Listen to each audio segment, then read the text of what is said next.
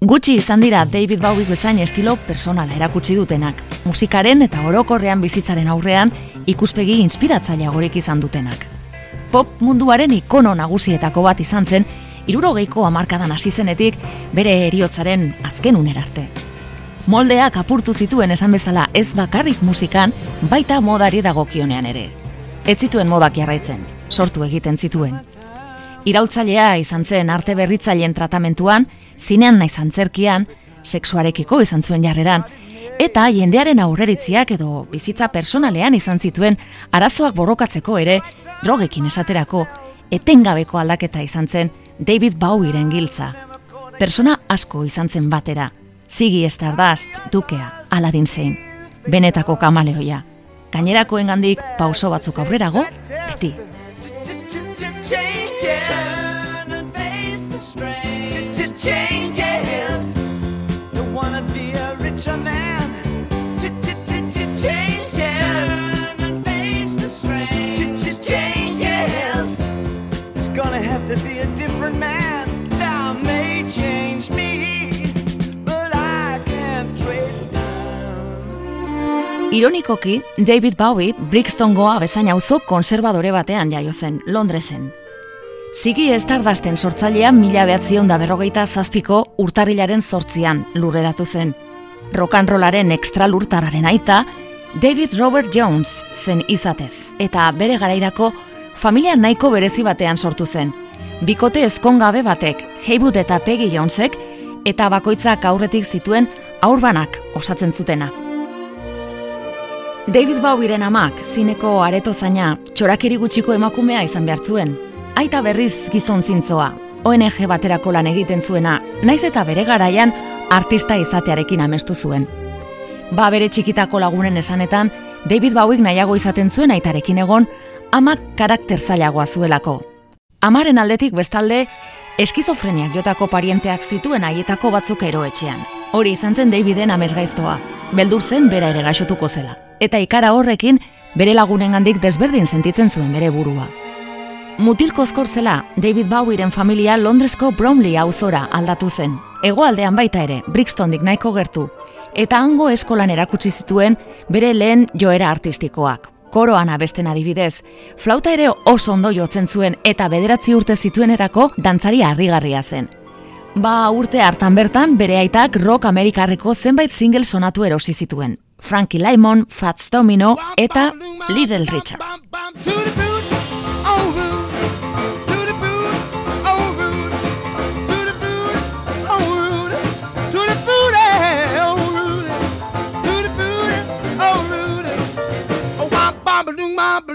Little Richarden itxura androginoak eta letra sexualki esplizituek Daviden atentzio guztia erakarri zuten umetan, eta Little Richardengan inspiratuko zen handik aurrera. I wanted to be a white little Richard at eight, or at least his sax player.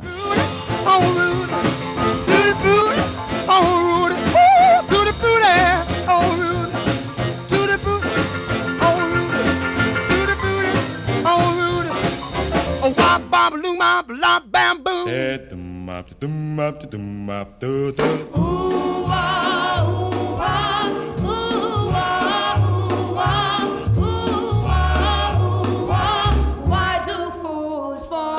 Mila behatzion da berrogeita emezortzian David Bowie Browningo eskola teknikoan matrikulatu zen.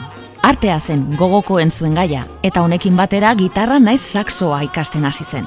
Rokeroa izan nahi zuen iraultzailea iruditzen zitzaiolako, eta nerabetzaroan hain zuzen, neska batengatik leian ari zela, iaia begi bat galdu zuen.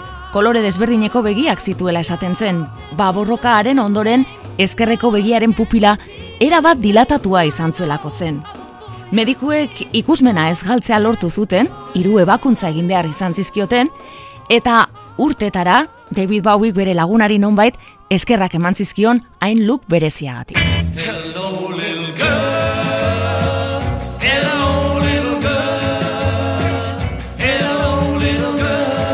Mila behatzion da irurogeita bian, The Beatles izeneko talde batek mundu guztia astinduko zuen. Bere biziko iraultza hasi zuen, eta amasei urterekin Davidek bere lehenengo pop taldea sortu zuen, The Conrads. Urrengo urtean, rhythm and bluesaren mundura pasa zen, eta The King Bee izeneko banda jarri zuen martxan. Liza Jane izan zen euren lehenengo singela.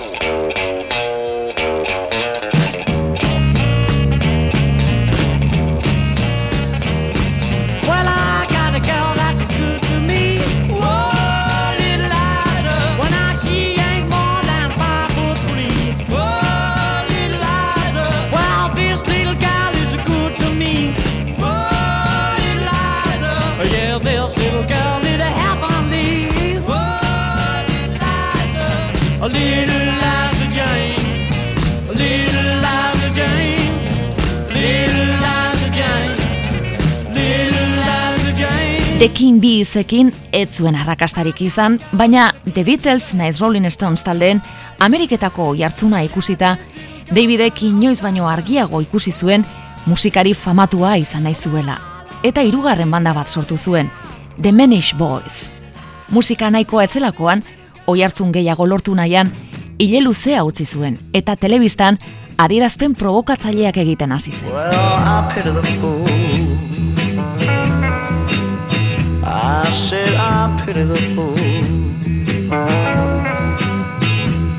know I.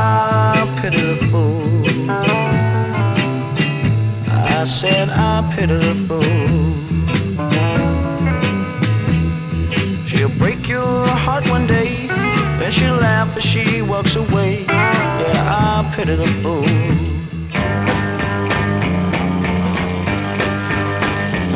Mila behatziun da irurogeita zeian, Londongo pop mugimendua bere momenturik onenean zegoen.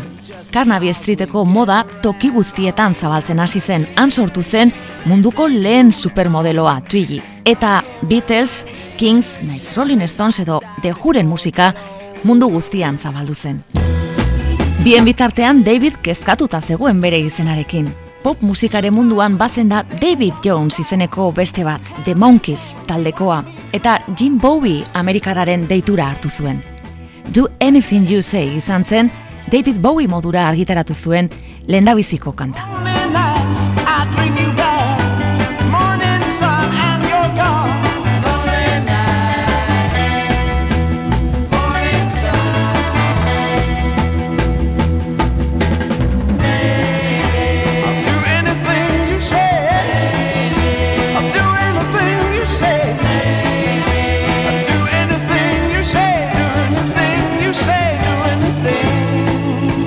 Eta estreineko singelarekin batere arrakastarik izan ez zuen, mila behatzion da irurogeita zeiko irailean, David Bowiek Dirham Records diskoetxarekin sinatu zuen. Bere lehen LPA kaleratu zuen, beste behin ere, porrote eginez. Strikes the bell for five o'clock. Uncle Arthur closes shop, screws the tops on all the bottles, turns the lights out, locks it up, climbs across his bike and he's away. Cycles past the gasworks, past the river, down the high street, back to mother. It's another empty day. Uncle Arthur likes his mummy. Uncle Arthur still reads comics. Uncle Arthur follows Batman. Round and round the rumours fly how he ran away from mum. On his 32nd birthday, told her that he'd found a chum. Mother cried and raved and yelled and fussed. Arthur left her no illusion, brought the girl round, saved confusion. Sally was the real thing, not just lust. Uncle Arthur vanished quickly. Uncle Arthur and his new bride, Uncle Arthur, follows Sally. Baina David Bowiek guztiz barneratua zeukan artista bizitza eraman nahi zuela. Eta musikan nahi zuen arrakasta lortzen ez zuenez. Arte eszenikoen munduan sartu zen. Azteko aktore modura estrenatu zen The Image izeneko film laburrean. Eta hainbeste gustatu zitzaion, Lindsay Kemp aktore eta koreografoarekin klaseak hartzen hasi zela. Lindsay Kemp izan zen David Bowieren maisua. Estenarako behartzen guztia erakutsi zion. Ahotsa nola proiektatu adibidez. Eta munduko zuzendari artistikorik onenetarikoa jotzen den eskoziarrak sartu zion, makillajea eta estilismoaren arra.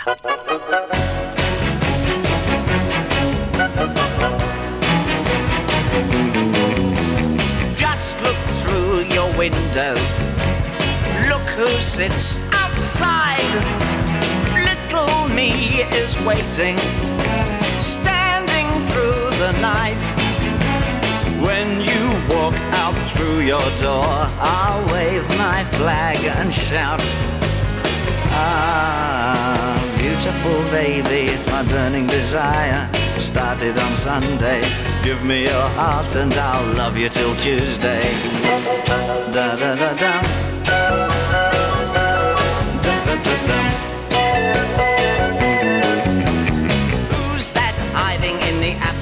Tree?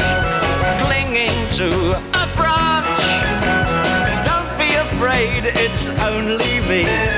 Hoping for a little romance. If you lie beneath my shade, I'll keep you nice and cool. Ah, beautiful baby. I was very lonely till I met you on Sunday. My passion's never ending, and I'll love you till Tuesday. Da da da da. Da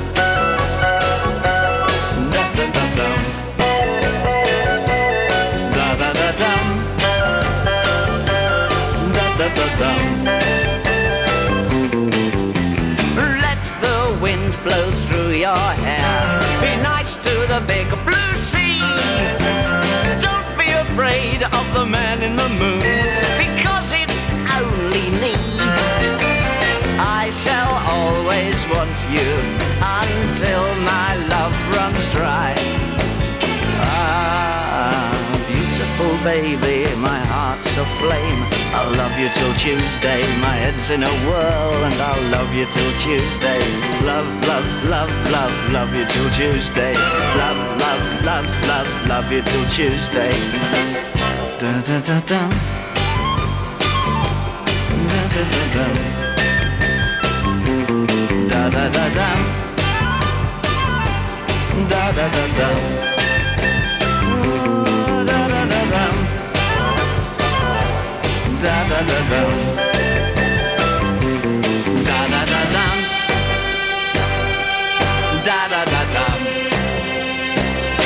Mila behatziun dairurogeita bederatzean, Kubricken espazioko odisea ikusi ondoren, David Bowiek Space Oddity izeneko kanta grabatu zuen, espazioan galduta dagoen Major Tom astronautaren istorioa kontatuz. Ground control to Major Tom. Ground control to Major Tom. Take your protein pills and put your helmet on. Ground control to Major Tom. seven, six. Commencing countdown, engines on. Three, two. Check ignition and may God's love be with you.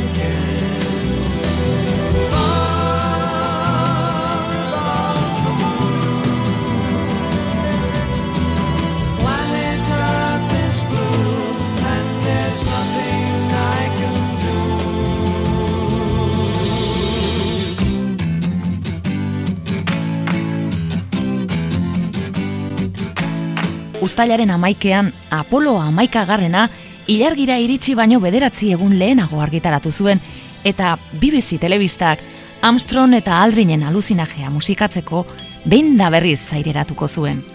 Aste hartako arrakasten bosgarren tokiraino igo zen, baina berehala desagertu zen zerrendetatik eta estatu batuetako irratietan ez zuen bat ere oi hartzunik izan. Baina garai berean, David Bowiek suertez Angie izeneko aingerua Amerikar bat ezagutu zuen eta berak lagunduko zion bere karrera artistikoa diseinatzen.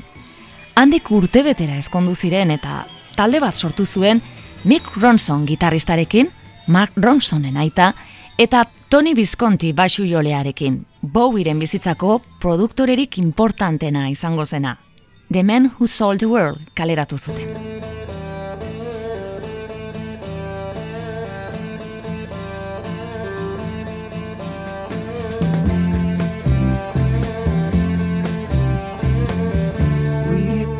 Up on the stair. We spoke of was and when. Although I wasn't there, he said I was his friend, which came as some surprise. I spoke into his eyes. I thought you died alone a long, long time ago.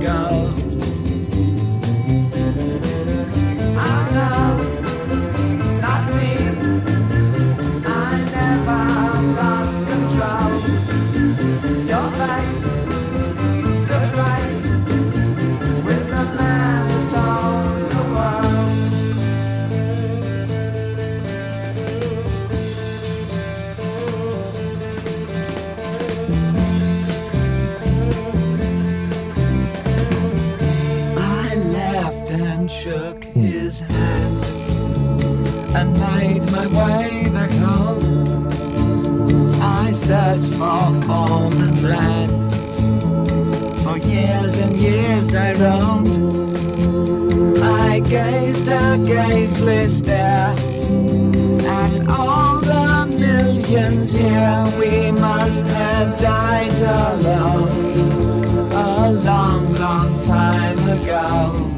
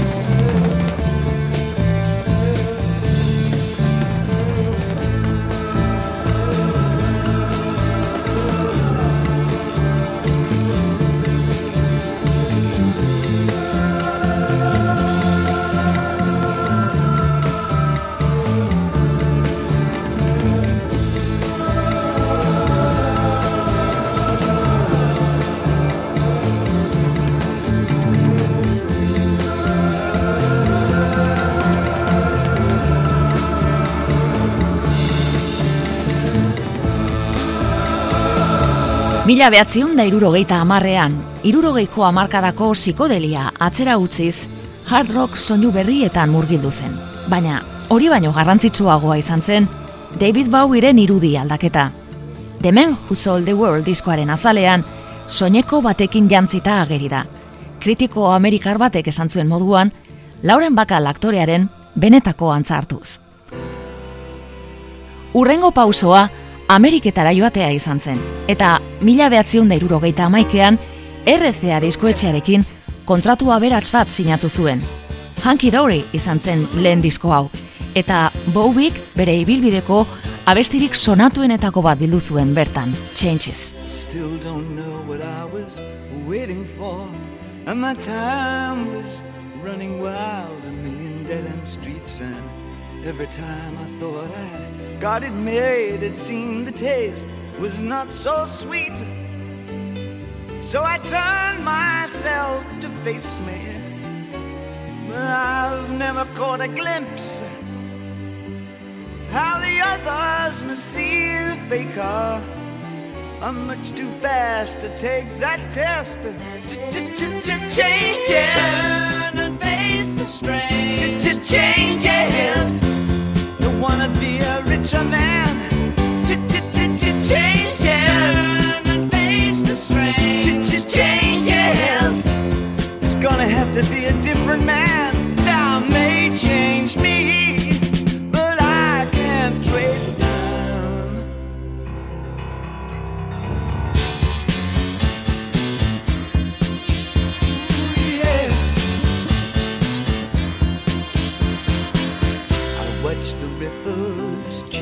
their but never leave the stream of warm and permanent sand.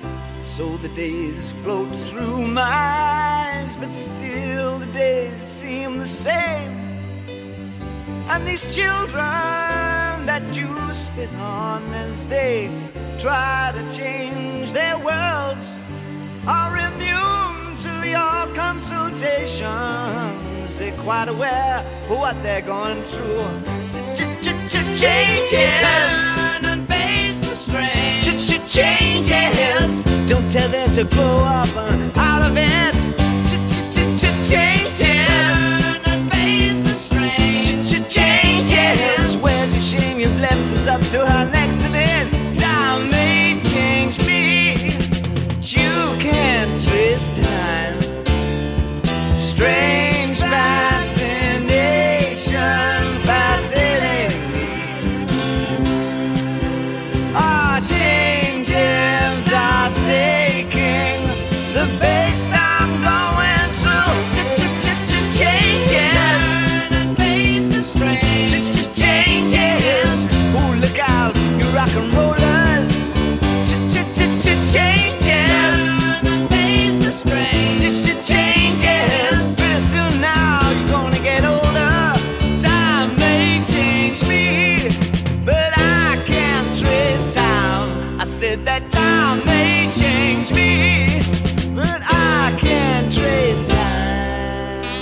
David Bowieren urrengo kolpea, Melody Maker musika aldizkariaren elkarrizketa batean egin zuen aitorpena izan zen. Geia zela onartu zuen, eta musika mundua hankaz gora jarri zuen, besteak beste ezkondu berria zelako, eta semeia jo berri batzuelako. Sobi Bowie edo Duncan Jones. Bera izan zen, sare sozialetan aitaren eriotzaren berri eman zuena, 2008ko urtarrilaren amaikean. Ba, lehen esan dudan moduan, polemika guztiaren erdi-erdian, Cooks izeneko kantu hau izan zen David Bowiek bere semetxoari idatzi zion abestia aztezina. Will you stay in a lover's story? If you stay, you won't be sorry, cause we believe in you. Soon you'll grow, so take a chance with a couple of kooks hung up on romancing. Will you stay in a lover's story? If you stay, you won't be sorry, cause we believe in you. Soon you'll grow, so take a chance with a couple of kooks hung up on romancing.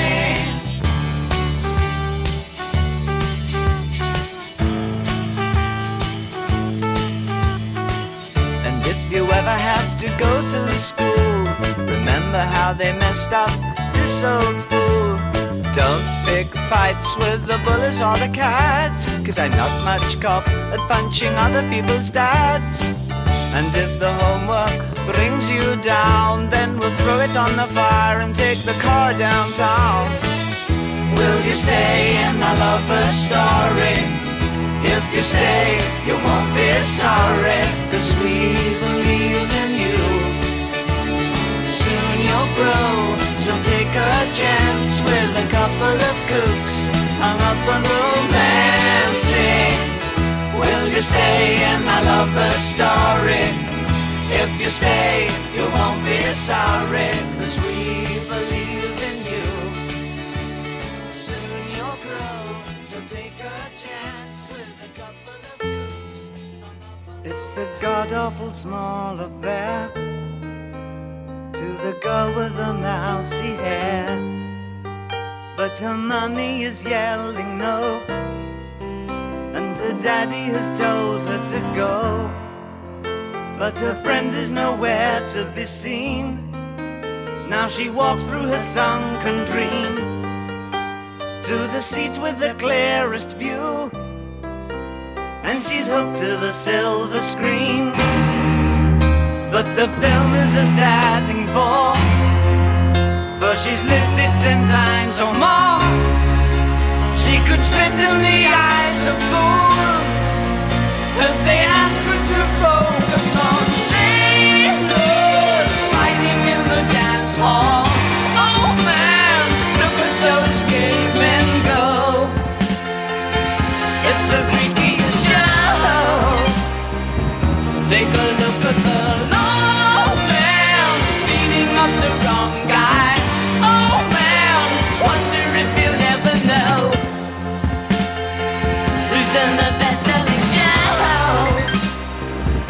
Is their life on Mars?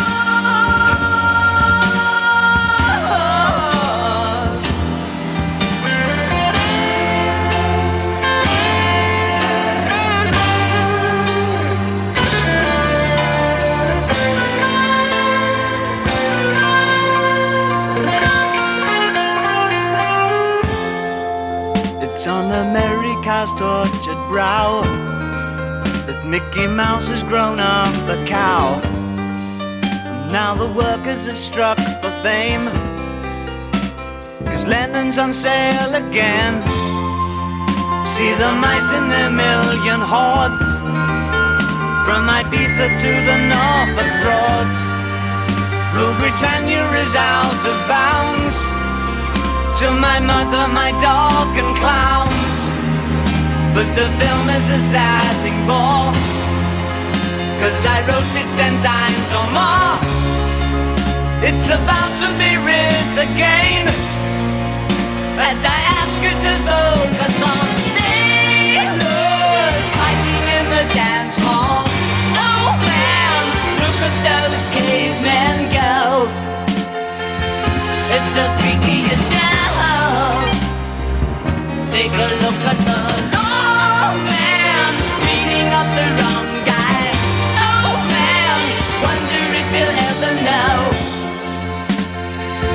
in the best-selling show. Is their life on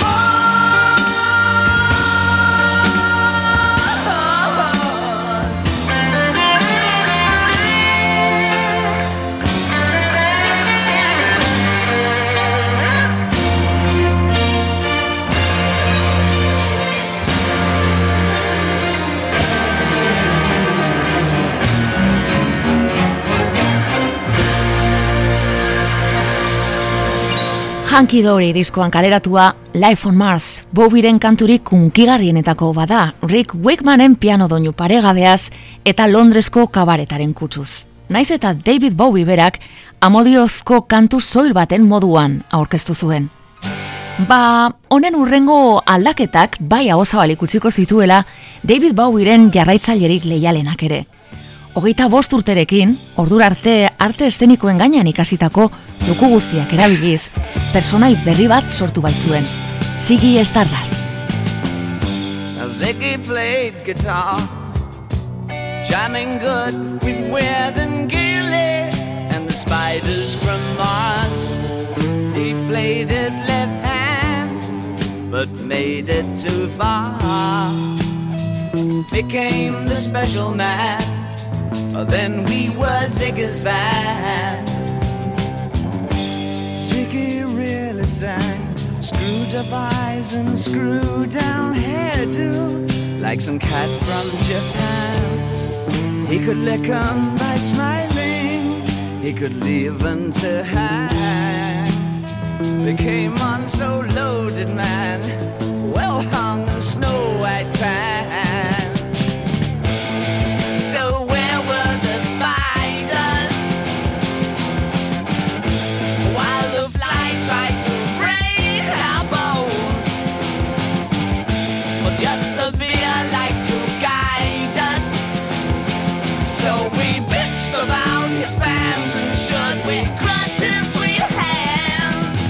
Ameriketako ibilbidean David Bowiek Lou Reed eta Iggy Popen tamainako bi fenomeno ezagutu zituen.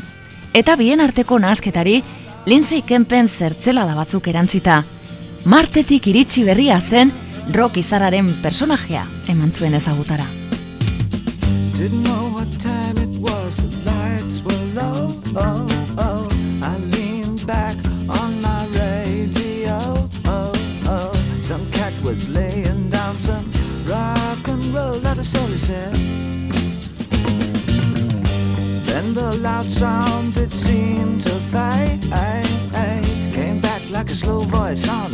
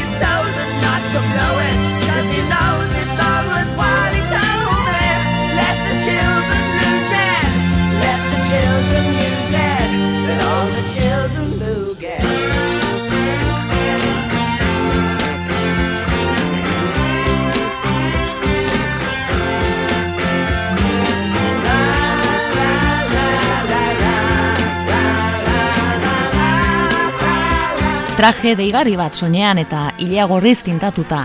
Bowie kultu berezi bat sortu zuen bere personaiaren inguruan, eta handik aurrera rockizarrik handienetako bat izango zen. Honekin batera, glam rocka sortu zuen, rockari glamurra emanez eta musika bera bezain importantea izango zen itxura zainduz diba baten antzera. Urte osoa eman zuen Ameriketan eta Europan zigi estardazten ikuskizuna etengabe aurkezten, eta bira amaierarako inork espero ez zuen sorpresa bat zuen txapelan gordeta. Gaurkoa ez da bakarrik bira ontako azken kontzertua. Nere bizitzako azken kontzertua izango da, esan zuen, mila behatzion da irurogeita amairuko ustailean, Londresko Hammersmith Orionen eman zuen kantaldian. Not only is it not only is it the last show of the tour, but it's the last show that we'll ever do. Thank you. Time takes a cigarette, puts it in your mouth, pull on your finger, then another finger, then your cigarette. Well, the wall to wall is calling. It lingers, but still you forget. Oh, oh, oh, oh you're a rock and roll suicide. Too young to lose it, but you're too old to lose it. And the clock waits so patiently on your song. Well, you walk past the cafe, but you can't eat when you've lived too long. Oh, oh, oh, oh. You're a rock and roll suicide. The breaks are snarling as you stumble across the room. But the day breaks instead, so you hurry home. Don't let the sunlight blast your shadow. Don't let the milk float bind your mind. They're so natural, Mila behatzion da irurogeita amairuko ustalean ordurarte inork lortu etzuena egin zuen Bowiek. Bost disko top berrogeian zituen eta hoietako azkena Aladdin Sane lehenengo postura iritsi zen gainera. Gauzak onela zaila zen Bowiek berak ezarritako erretirotik ez ateratzea. Eta horretarako rokaren historian gehien gustatu zitzaizkion kanten bertsioak egitea erabaki zuen. The Easy Beatsen Friday on my mind adibidez. Monday morning feels so bad. Everybody seems to like me. Coming Tuesday, I feel better. Even my old man looks good.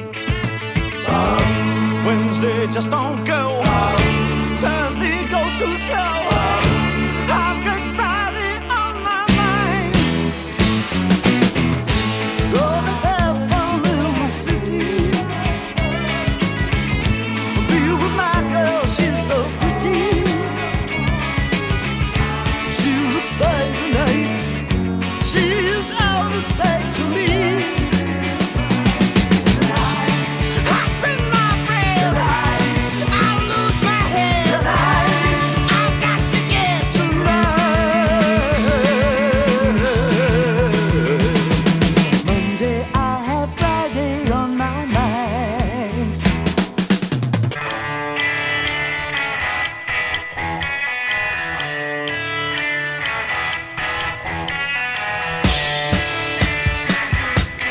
Mila behatzion da irurogeita amalauean Bowiek bere glam rock garaiari bukaera emateko kantarik glamena kaleratu zuen. Rebel Rebel.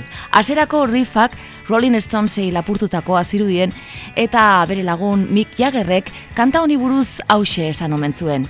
Oinetako berririk ez jantzi David Bowie inguruan badabil.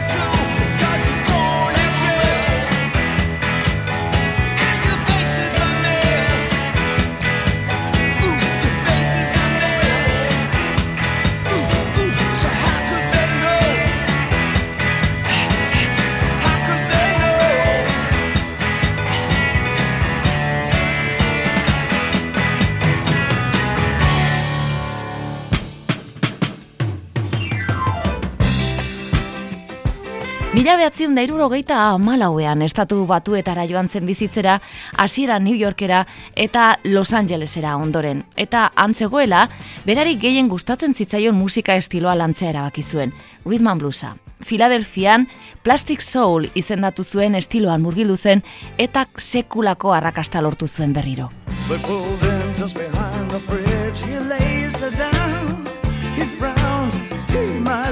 The kissed her and there. She took his ring, took his babies, took him in, took her nowhere.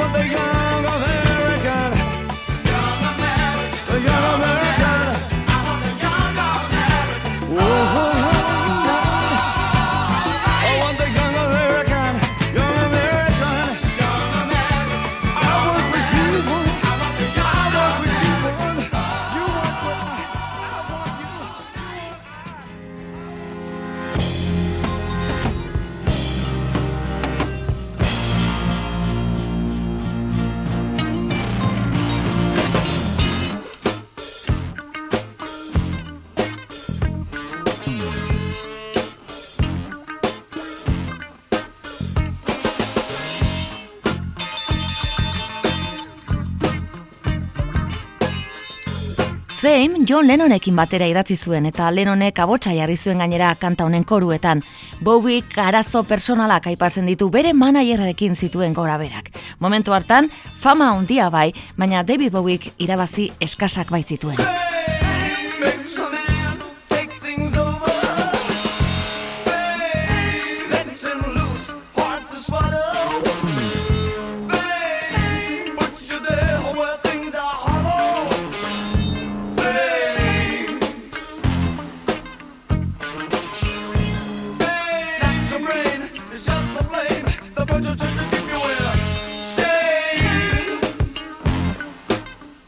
Irurogeita hamarreko hamarkadan, David Bowiek zazpi disko kaleratu zituen, dena kauskorrak eta berritzaileak eta esan genezake, bera izan zela irurogeita hamarreko rock musikarentzat, The Beatles irurogeiko hamarkadaren zat izan zenaren pareko.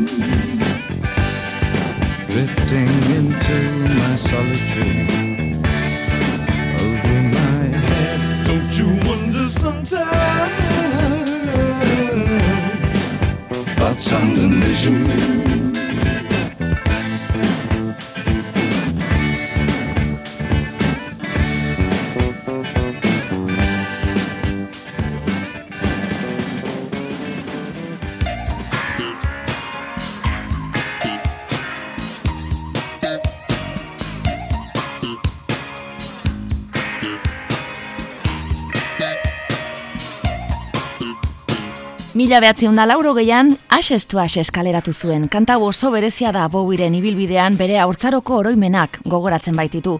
Kanta promozionatzeko pierrotez mozorrotuta, zinema mutuan oinarritutako bideo izugarri bat sortu zuen. Gerora, MTV eta bideoklipen iraultzari hasiera emanez.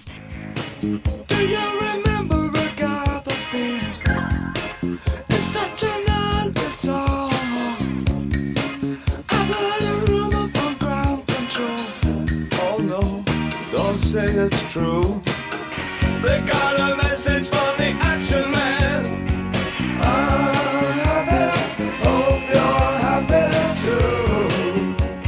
I've loved all I've needed love. Saw the details fall away. The shrieking when nothing is killing, just pictures of trap girls and synthesis. And I ain't got no money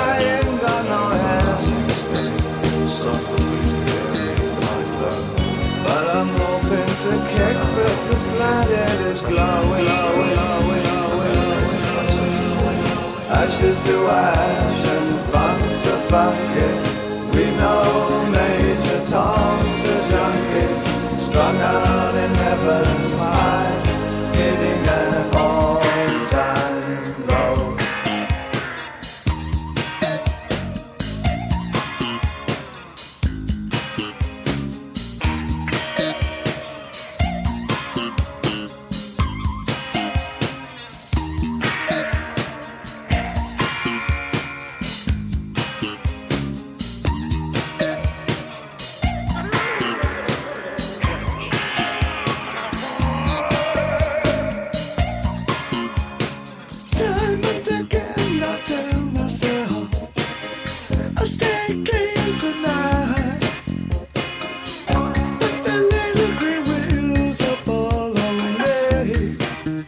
Oh no, not again.